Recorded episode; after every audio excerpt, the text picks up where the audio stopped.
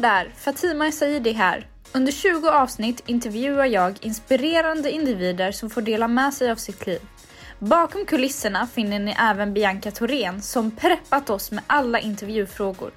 Fortsätt lyssna och låt oss tillsammans ta reda på 20 råd innan 20.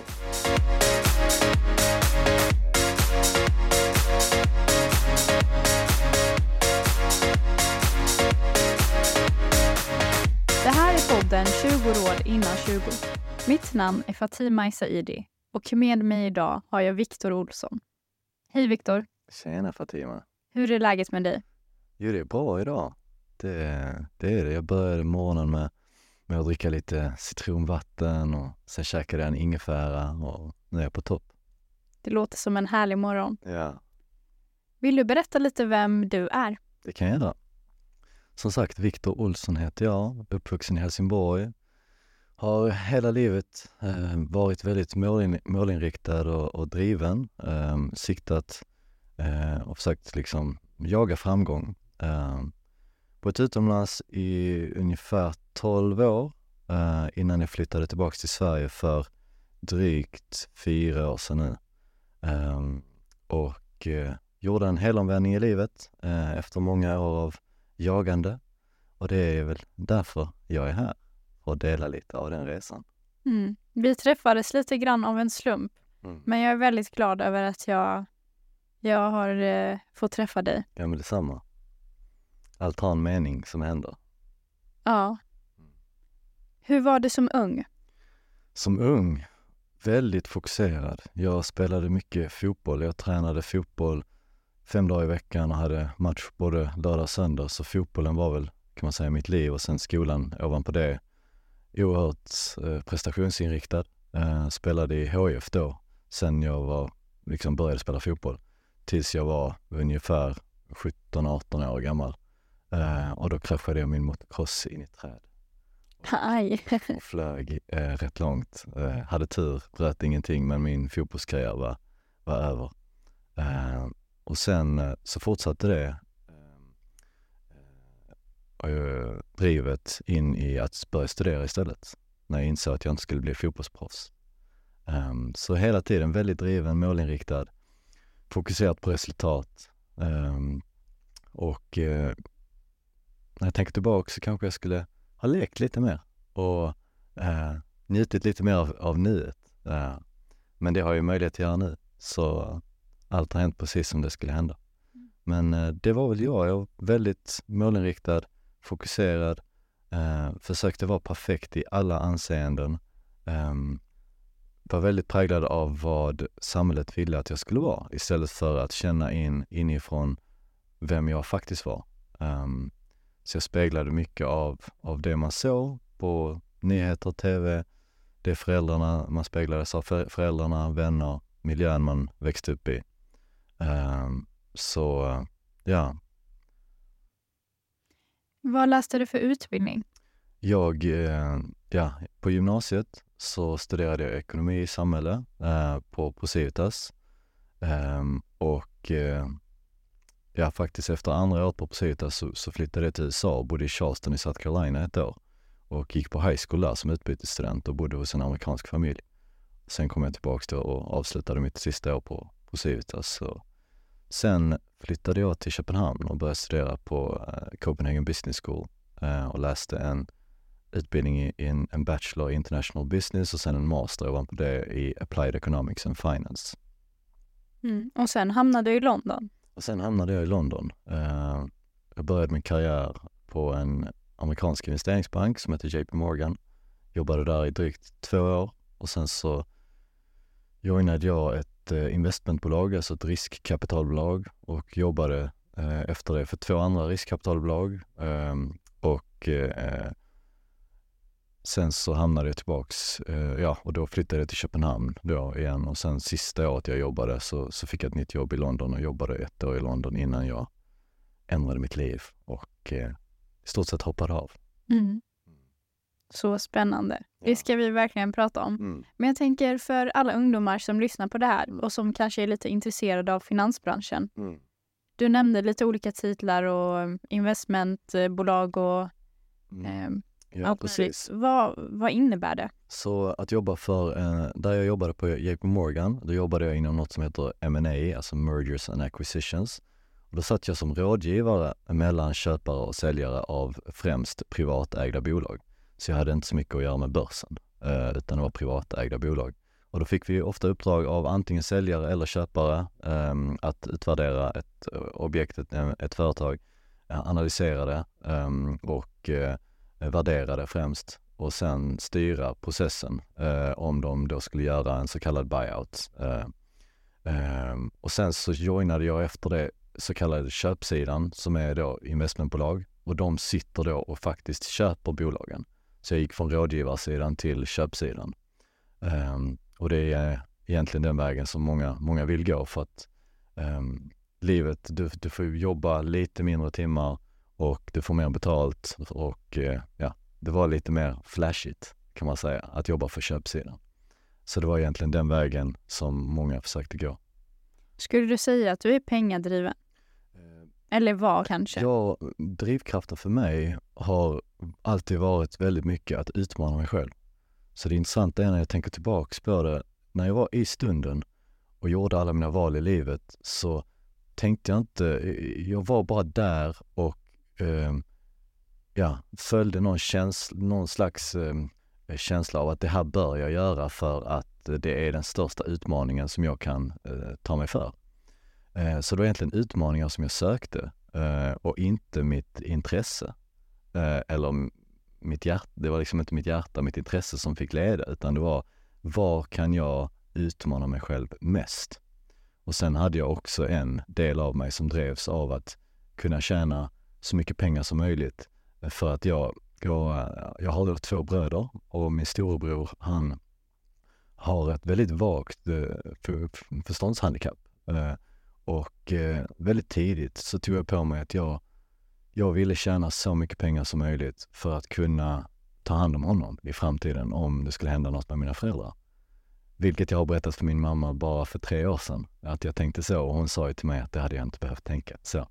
Men du vet, som barn, som ungdom så får man för sig saker och man tar på sig saker och tar ansvar. Jag var väl väldigt så, väldigt tidigt också, att väldigt empatisk. Jag pratade med allt och alla. Jag, jag har en väldig förmåga att connecta med människor. Eh, så alltid när jag stod och väntade på bussen så pratade jag med väldigt många äldre människor. Eh, bara lyssnade på dem och ofta fick jag höra eh, när bussen kom så sa de ofta tack för att du lyssnade på mig. Jag har inte pratat med någon på tre dagar.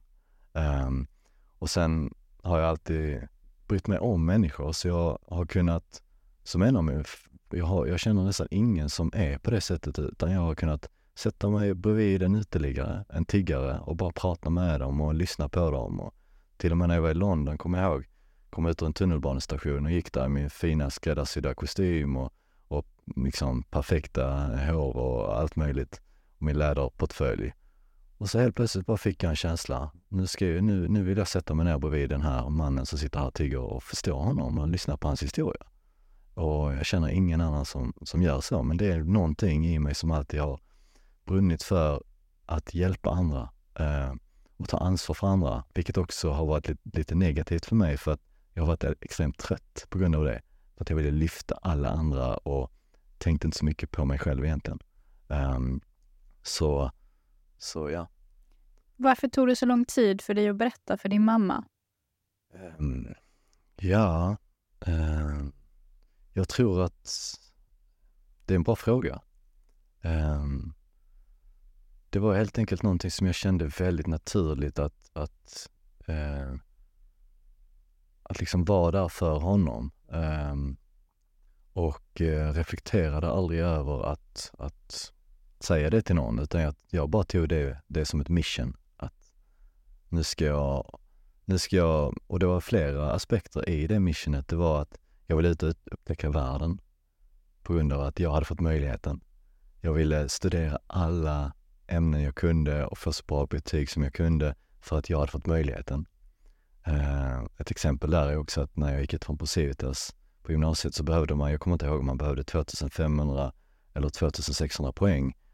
Uh, och jag slutade med att jag gick ut med 3950 poäng.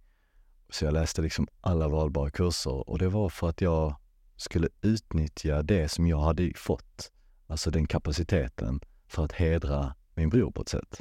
Eh, såklart var det många andra aspekter i varför jag gjorde så som jag gjorde, men, men det var en del av det. Um, så man kan säga att jag, jag drevs av, av, ja, av utmaningar, um, tog på mig mycket ansvar för andra människor uh, och uh, lite glömde bort mig själv och glömde bort uh, att jag var väldigt social, men jag glömde väl bort att skapa de här genuina, djupa relationerna också, ovanpå allt. Kan du berätta lite om hur en arbetsdag kunde se ut i London? Ja, så det första året när jag började i London, då brukade jag komma in till jobbet vid, vi började lite senare, så vi började vid, jag kunde komma in vid kanske halv tio på morgonen. Och sen så kunde jag få eh, en uppgift av, eh, av min chef då att jag skulle göra ett så kallat pitchdeck eh, där vi skulle sätta ihop ett material som vi skulle ta till en av våra klienter eller en av eh, ett företag som vi tänkte att de skulle kunna sälja av en tillgång eller om de ville köpa en tillgång. Och då gjorde vi ett, ett säljdokument um, och då kunde jag sitta och bygga eh, finansiella modeller i Excel, eh, rätt omfattande eh, värderingsmodeller. Um, jag kunde göra marknadsanalyser, jag kunde, ja, alla möjliga analyser. Ehm, och sen så ofta så kanske klockan tre, fyra på eftermiddagen så hade jag glömt att lunchen hade varit för tre, fyra timmar sedan. Och då sprang jag ner snabbt och köpte någon eh, sandwich kanske på, eh, eh, ja, vår byggnad var eh, i direkt, hade direkt tillgång till ett köpcentrum så sprang jag ner där och köpte en sandwich och något att dricka.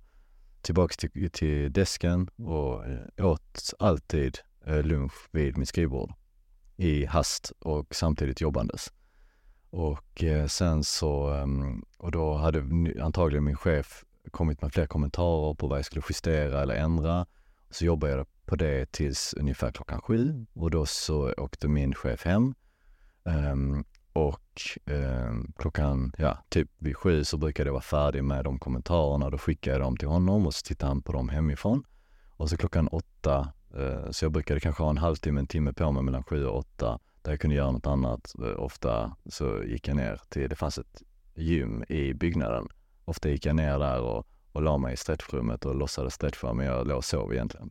Um, och um, sen fick jag mer kommentarer klockan åtta när han hade tittat på en timme. Och sen jobbade jag um, ofta då till, ja, två, tre på natten. Uh, det var väldigt ofta som jag stannade till tre på natten. Uh, så, och då hann, såklart så hann jag äta middag också och det, då hade de ett system som man bara gick in och beställde uh, vad man ville äta och så betalade firman för det. Och så levererades det i receptionen eh, och så gick man bara ner och hämtade det. Um, så det hann jag också med. Ja, och sen kom jag hem vid ja, tre, halv fyra på natten och då var kroppen i sånt speedat stadie så då tog det ofta i alla fall en halvtimme för mig och Även om man var så trött så tog det en halvtimme för en att lugna ner sig och göra sig redo för att sova. Eh, jag kommer till, ihåg, till och med ihåg ibland, för jag har alltid tränat väldigt mycket när jag spelar fotboll och sprungit mycket. Eh, och jag kommer ihåg någon gång när jag kände att, att eh, jag ville så gärna träna. Så jag kom hem, och när jag kom hem den gången halv fyra, fyra på natten och då gick jag ut och sprang. och då sprang jag liksom, ja, 40 minuter, 45 minuter Eh, och sen hem och så sov jag tre timmar och så tillbaks till jobbet. Så... Hur mådde du under den här perioden? Jag tror, jag mådde bra när jag var i det, trodde jag. Eh, för att jag hade inga andra referensramar. Och alla andra gjorde liknande, även om jag kanske, jag var lite mer extrem marginellt i, i just mitt team. Eh, så, så gjorde alla ungefär samma eh, och samma timmar och eh, så, så man reflekterade inte så mycket över, över det. Eh, och, och det, det enda jag gjorde var att jobba så att det, det fanns liksom inget annat och jag fick en bra lön och, eh, och jag fick ändå liksom flyga till, jag, när jag jobbade i London då så flög vi ofta till klienter i, i Norden så flög till Oslo, Stockholm och Köpenhamn Så flög man första klass och så fick man bo på fint hotell när man var där på möten. Och, så att allt det här, all den hypen gjorde på något sätt att, att det, det liksom, för det första fanns det inte tid att reflektera. Och för det andra så var man bara i något spännande, utmanande. Um, och varje gång jag kände att nu är jag för trött för det här, då var det liksom en sporre för mig att, men Viktor, en möjlighet att utmana dig ännu mer. Se hur mycket, liksom, hur mycket kan du pusha dig liksom, utöver det. Um, så, så jag reflekterar, jag, jag mådde bra när jag var i det. Um, jag tror det var när jag, när jag liksom, tog steget ut ur det, så kunde jag se tillbaks på det och se på att wow, den där killen tog inte hand om sig själv alls och han hade väldigt mycket stress i kroppen. Um, men liksom när jag var i det så kände jag inte det. Och jag tror jag har en väldigt uthållig kropp och på något sätt eh, liksom kraschade aldrig för att jag är så uthållig i kropp och i sinne på något sätt. Skulle du säga att du identifierar dig väldigt mycket med ditt yrke? Väldigt mycket. Det var, det var jag. Eh, och jag vet, jobbet formade mig också på ett sätt som jag till slut gjorde att jag började reflektera över vad jag höll på med. Ehm, eftersom jobbet, det var så snabbt. Det skulle vara så snabbtänkt. Allting skulle hända direkt. Om chefen bad dig någonting om någonting så skulle du nästan redan ha kunnat läsa hans tankar och redan börjat göra det innan han avslutade sin mening. Ehm, så det gjorde att jag fick kort stubin med de mina nära och kära och började helt plötsligt inse bara, det var någon gång när jag kände att jag var väldigt kort mot min mamma. Och eh, då kunde jag liksom, då var det liksom bara, wow, det här är inte jag. Hur blev det så här? Hur ofta hann du träffa vänner och familj? Um, jag kommer ihåg det att, jag tror det var andra veckan på jobbet, så satt vi och jobbade då en fredag och det nämnde jag inte innan heller, men oftast jobbade jag ju, eller första två åren på, på investeringsbanken så jobbade jag ju eh, sju dagar i veckan, men kunde då komma in senare på lördag och söndag, kanske vid 11-12 tiden på, på lördag och söndag. Men eh, så det gjorde det ännu svårare att, att träffa vänner och familj. Um, men jag kommer ihåg andra veckan, en fredag eftermiddag, och då hade vi faktiskt gjort uh, färdigt allt vårt jobb, jag och den seniora um, kollegan som satt, vi satt bredvid varandra. Uh, och eh, då var klockan, jag tror klockan var sju och vi var färdiga och det var väldigt, det var inte så vanligt. Men det fanns en underliggande ehm, vad ska man säga, regel om att du, du går aldrig från kontoret innan din seniora kollega går från kontoret. Eh, även om du är färdig med ditt jobb. Så jag satt och väntade på att han skulle gå. Och så tänkte jag, så gick han inte och så gick det lite tid och så tittade jag över, över i hans cubicle som det heter, man har en sån, eh, lite väggar som man sitter i. Så såg jag att han satt på Facebook och scrollade och så tänkte jag, så frågade jag honom, du, eh, ska inte du gå hem? Då sa han, eh, nej Viktor, är det någonting, liksom, är det någonting jag ska lära dig så är det att du kan aldrig styra din tid, du vet aldrig när du är färdig. Så jag har avtalat med min flickvän, sa han, att varje fredag så gör, hittar hon på något annat. För hon kan aldrig räkna med mig. Så, eh, så jag tänker att jag, jag väntar här och så går jag ner och gymmar i byggnaden och du vet Viktor, stannar man till efter nio så får man ju gratis taxi hem och beställa gratis takeaway till kontoret. Så jag kommer och käkar lunch här och så tar jag taxi hem sen och så hinner jag gymma också. Så, eh, så jag bara, okej, okay. men då är det okej okay att jag går då. Så sa han, ja men det, det, det är okej okay att du går. Uh, så han sa det och så sa han det i förlängning till det, så sa han det också att ja, du ska veta det att du kommer förlora alla dina vänner du har. så det var inte så uppmuntrande liksom andra veckan på jobbet. Uh, han sa det att alla hans vänner uh, hade han, liksom, för han hade sin flickvän kvar, det var, det var det. sen vet jag inte om, om han var mer extrem än de andra. Det fanns ju de som hade mer balans eh, på, i, i, min division ska man säga.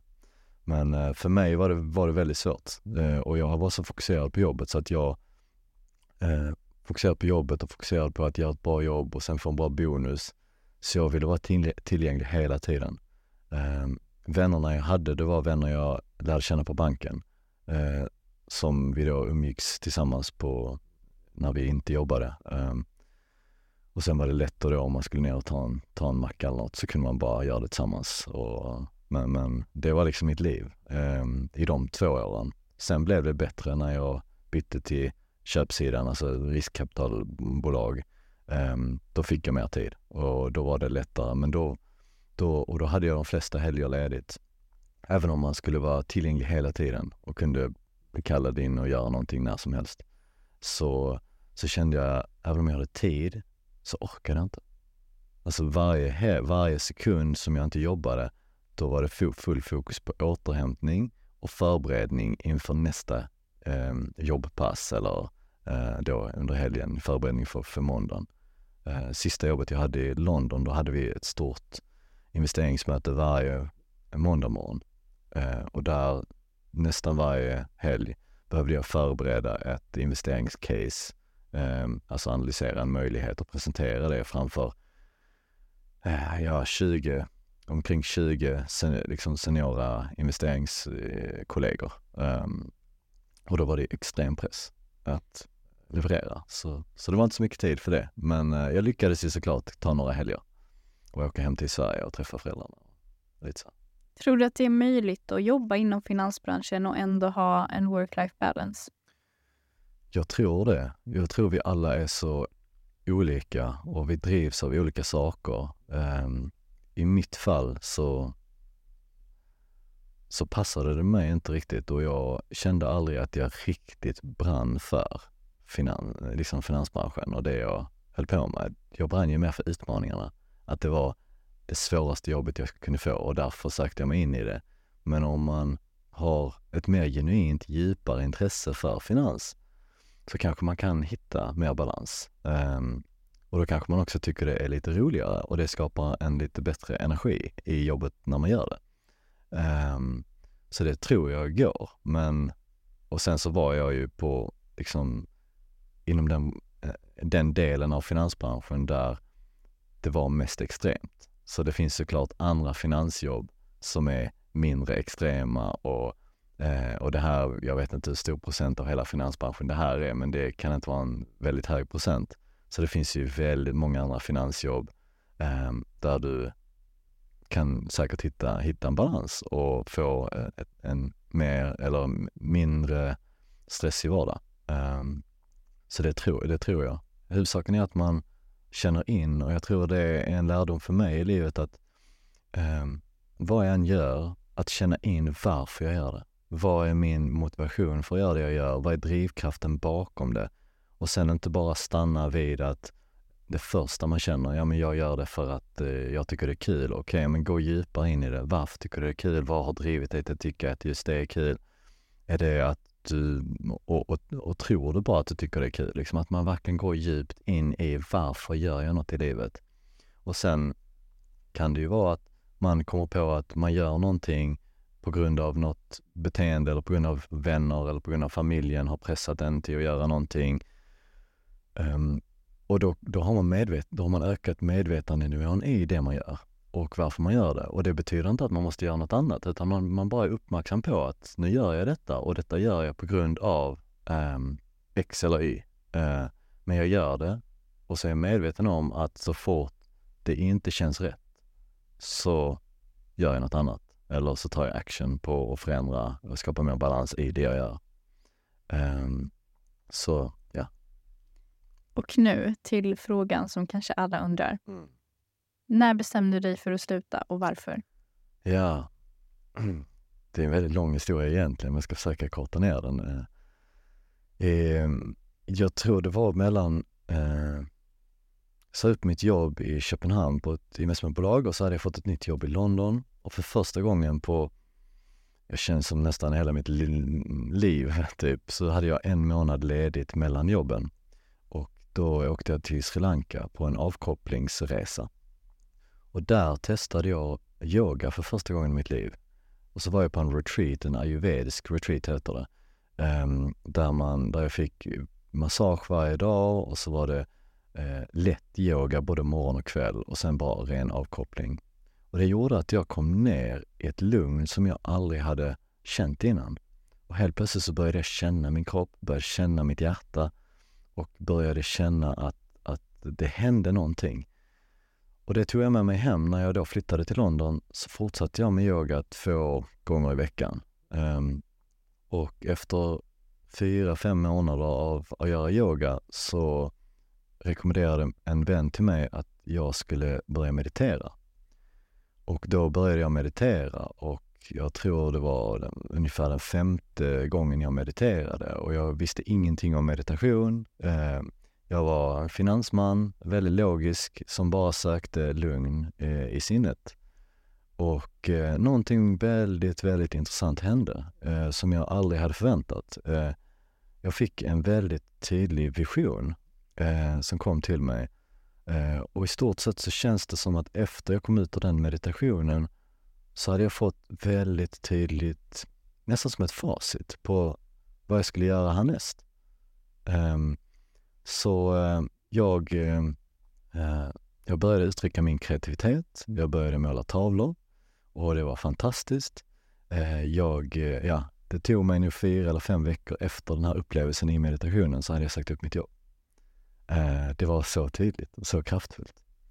Och det var ingen lätt sak att göra för att jag hade ju jobbat, jag hade studerat fem år på universitet.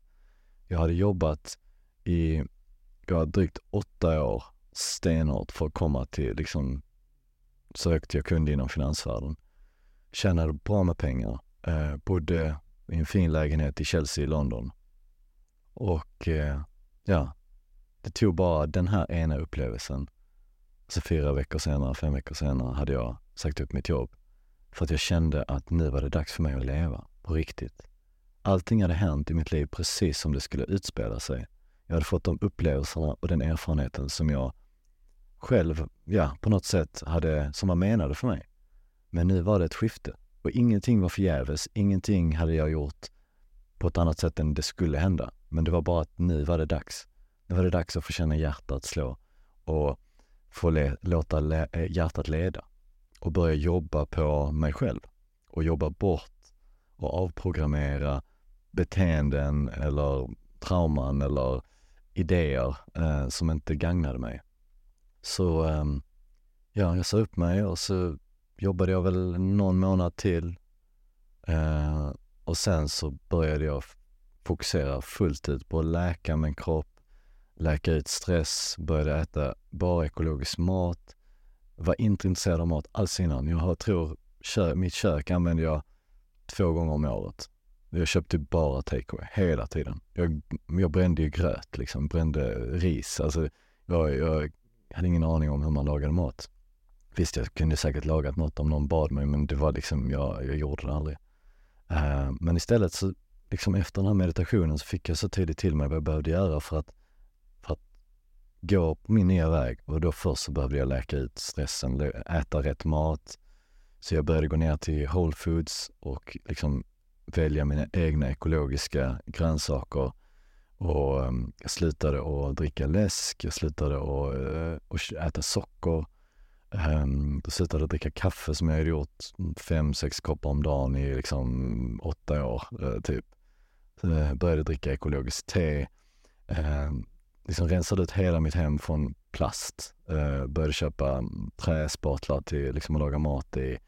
Um, Schamporna, ekologiska schampo, liksom allting. Bytte allt. Och Jag hade ingen smekmånad. Jag fick det så tydligt till mig så jag ändrade allt på en gång. Eh, och jag är ju väldigt så, 100% i vad jag än gör. Så när jag då hittade den vägen mot hälsa så blev det 100% direkt. Eh, och det är väl något jag jobbar på idag, att hitta balansen mellan mellan, liksom så, mellan det som var och det som blev sen. Eh, men så i stort sett ändrade hela mitt liv och började se och få meddelanden, eh, synkroniciteter som jag kallar det. Eh, så en dag när jag då hade sagt upp mig så satt jag och scrollade på Instagram och så bara dök det upp en reklam eh, från ingenstans som jag aldrig hade sett eh, eh, på ett äventyrs, så naturguidesprogram där du skulle lära dig att leda människor i vildmarken och eh, du skulle lära dig att klättra på berg med så här rep. Och jag bara kände i hjärtat och magen bara, det bara blinkade liksom som ett grönt ljus som blinkar. Så jag kontaktade dem och de intervjuade mig och så, ja, så blev jag antagen till det här programmet och det var på Nya Zeeland. Jag hade aldrig varit ute och tältat. Jag kommer ihåg en gång i sjunde klass när vi var ute med klassen och tälta. Annars aldrig. Och jag hade rört mig i liksom Eh, bara sterila miljöer, fina hotell Eh, och, och, och liksom inte alls varit i kontakt med naturen på väldigt, väldigt, väldigt länge.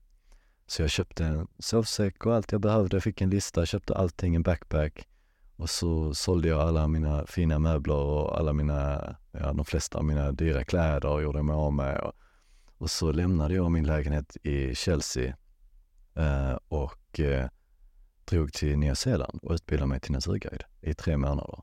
Och det var en sån kontrast för att jag, hela mitt liv har jag velat ha mitt space, jag har aldrig delat rum med någon. Eh, även om jag har varit på en resa så har jag inte velat, jag har alltid velat ha kontroll över mitt space, jag vill ingen, ingen stör mig.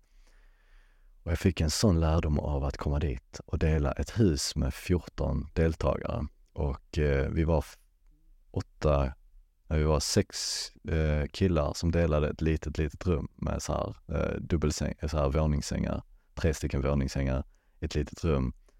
Och jag kände bara att livet hände. Jag kände bara wow, det är det här som är livet. Att uppleva saker och, och att jag får möjligheten att uppleva de här kontrasterna. Att få vara på toppen av finansvärlden och liksom ha fått gjort det och tjänat de pengarna och, och så här. Och sen helt gå tillbaks till det enkla.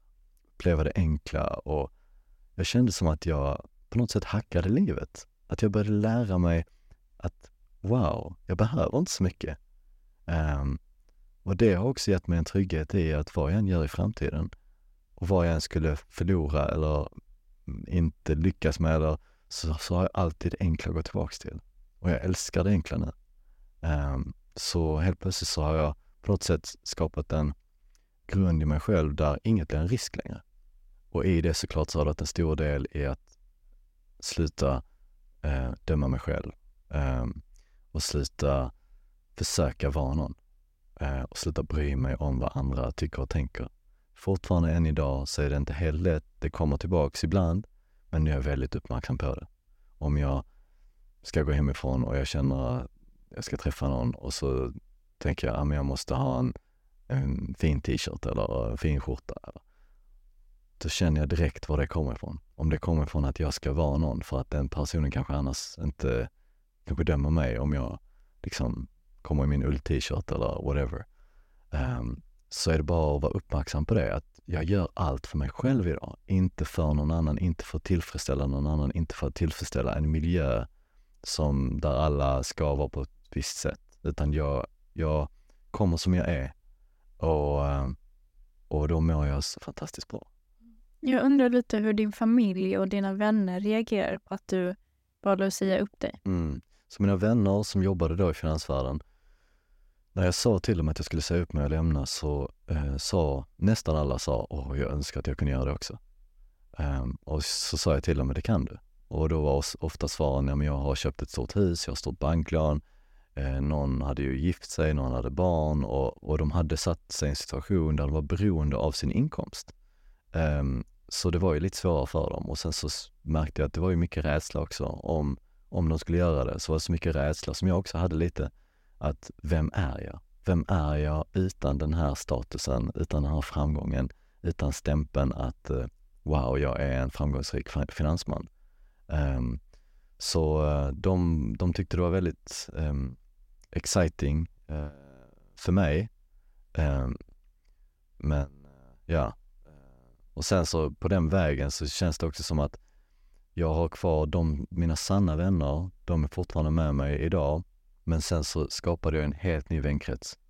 Där, jag, där det känns som att det är mer mina, alltså där jag kunde skapa djupare kontakter. För där var jag närvarande. I mina gamla relationer så var jag inte närvarande. Så det var inte möjligt att skapa djupare kontakter. Liksom, man kunde ha flera tusen vänner på Facebook men det var inte många av dem där jag faktiskt satt ner och var närvarande i nuet med dem och lyssnade på dem. För jag var hela tiden på väg någonstans. Liksom eh, en jobbmobil i ena fickan och en privatmobil i andra fickan och hela, allting plingade hela tiden så kunde jag inte ens ha ett, nästan ett samtal med någon utan att jag skulle liksom vara på jobbmobilen. Och, um, så uh, ja, så det är lite olika aspekter. Um, men uh, skapat väldigt mycket fina nya kontakter också. Uh, vilket jag på något sätt alltid har längtat efter för jag har inte känt mig riktigt hemma i den världen jag var i den var lite för hård och lite för kall för vem jag är. Och när jag har lugnat ner mig och hittat harmoni, men det är liksom inte ett... Alltså det är mer en kraftfull harmoni där jag kan liksom komma med power men ha balans i mig själv. Så känns det som att jag har attraherat in nya människor som kan vara i nuet med mig och där vi hittar på äventyr och lever livet istället för att, eh, som jag kanske gjorde då, träffa någon för en snabb kaffe och så pratade vi om jobbet och sen så tillbaka till jobbet. Eh, det var liksom en helt annan grej. Eh, och sen föräldrarna, de var väldigt rädda, eller pappa var, var nog eh, var nog inte så orolig. Han var mer stöttande och kände så här att, ja, eh, bara gör det som, som du vill på något sätt. Även, även om han också tyckte att ska du inte jobba ett år till eller något år till eller så här. Men, men han var ändå, sa inte nej för att när jag gjorde något sånt. Men mamma hon var väldigt, väldigt rädd för, som en mamma är, eh, när eh, hon kanske ser sin son framgångsrik, tjänar mycket pengar, framtiden är säkrad. Hon behöver inte oroa sig. Och helt plötsligt ska han göra något helt annat, hoppa av den banan. Klart att mamma blir, blir rädd och tänker hur ska han klara sig? Eh, så, ehm, så för mamma var det svårare. Ehm, men det blev bra till slut. Um, att jag liksom vågade känna in och följa min känsla även om hon tyckte att jag inte skulle göra det. så blev det bra till slut när hon såg hur bra jag började må. Um, så allting blev bra till slut. Uh, och uh, ja, det hände mycket i min familj också, mycket förändringar. När jag började förändra mig så var det som att min familj automatiskt började känna in mer hur de ville leva sina liv och började ändra också och började leva mer fullt. Um, så jag känner det, det blir ringar på vattnet när man själv börjar leva. Um, Vad fint. Jag vet inte om det här är en fråga jag får ställa, men jag ställer den ändå. Ja. Eh, du har inte jobbat på fyra år. Mm. Har du haft någon intäkt under de här fyra åren? Jag, eh, man kan säga så, jag sa upp mig och sen så var jag, ja, sen gjorde jag ingenting i nästan ett och ett halvt år. Um, så hade ingen inkomst. Sen så var det en liten period där jag började att investera lite mitt eget sparade kapital. Men um, det, jag tjänade inga pengar uh, där. Jag gick väl plus minus noll. Um, så även om jag gjorde det så, och det var lite egenjobb med att investera, så la jag ner det efter några månader. Um, så, så nej, egentligen, jag har inte haft någon inkomst på, ja, sen december 2018. Um, så det är ett tag nu. Mm. Uh, men det, allt har en mening, så jag, under alla de åren i finansvärlden så hade jag ju inte tid att spendera mina pengar, så jag lyckades ju spara, spara en del, så jag hade möjligheten nu att, att göra det som jag skulle göra. Och sen kan man säga att de senaste åren har jag levt väldigt billigt, men jag har levt fullt och jag har inte behövt kompromissa på någonting.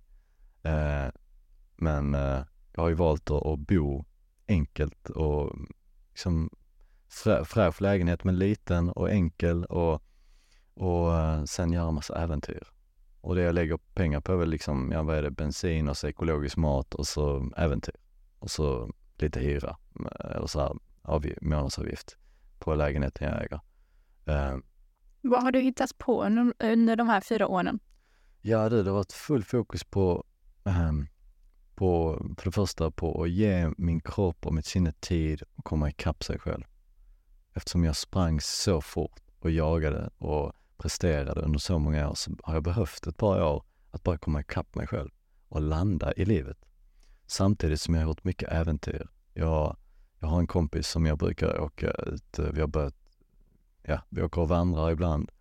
Eh, och eh, ibland så faktiskt så, eh, och det är rätt intressant att gå från finansman som är van, van vid liksom femstjärniga hotell när han reser på möten och till, till att eh, ibland köra ut med min bil och bara lägga en madrass i bilen och sova i bilen. Så för två, tre veckor sedan så var jag in, körde jag ut i en nationalpark, knäpptyst. Så la jag mig och sov i bilen. Och det är så läkande och så, alltså jag mår så bra. Eh, så det kan göra små sådana äventyr eh, och eh, gå på lite, ja, göra yoga, meditera, kallbadar, ehm, ja, läser på mycket om hälsa, läser på mycket om hur jag kan optimera min hälsa. För jag är väldigt intresserad i hur, hur kan jag bli, ja men hur kan jag möta till exempel kyla? Hur kan jag acceptera det mer?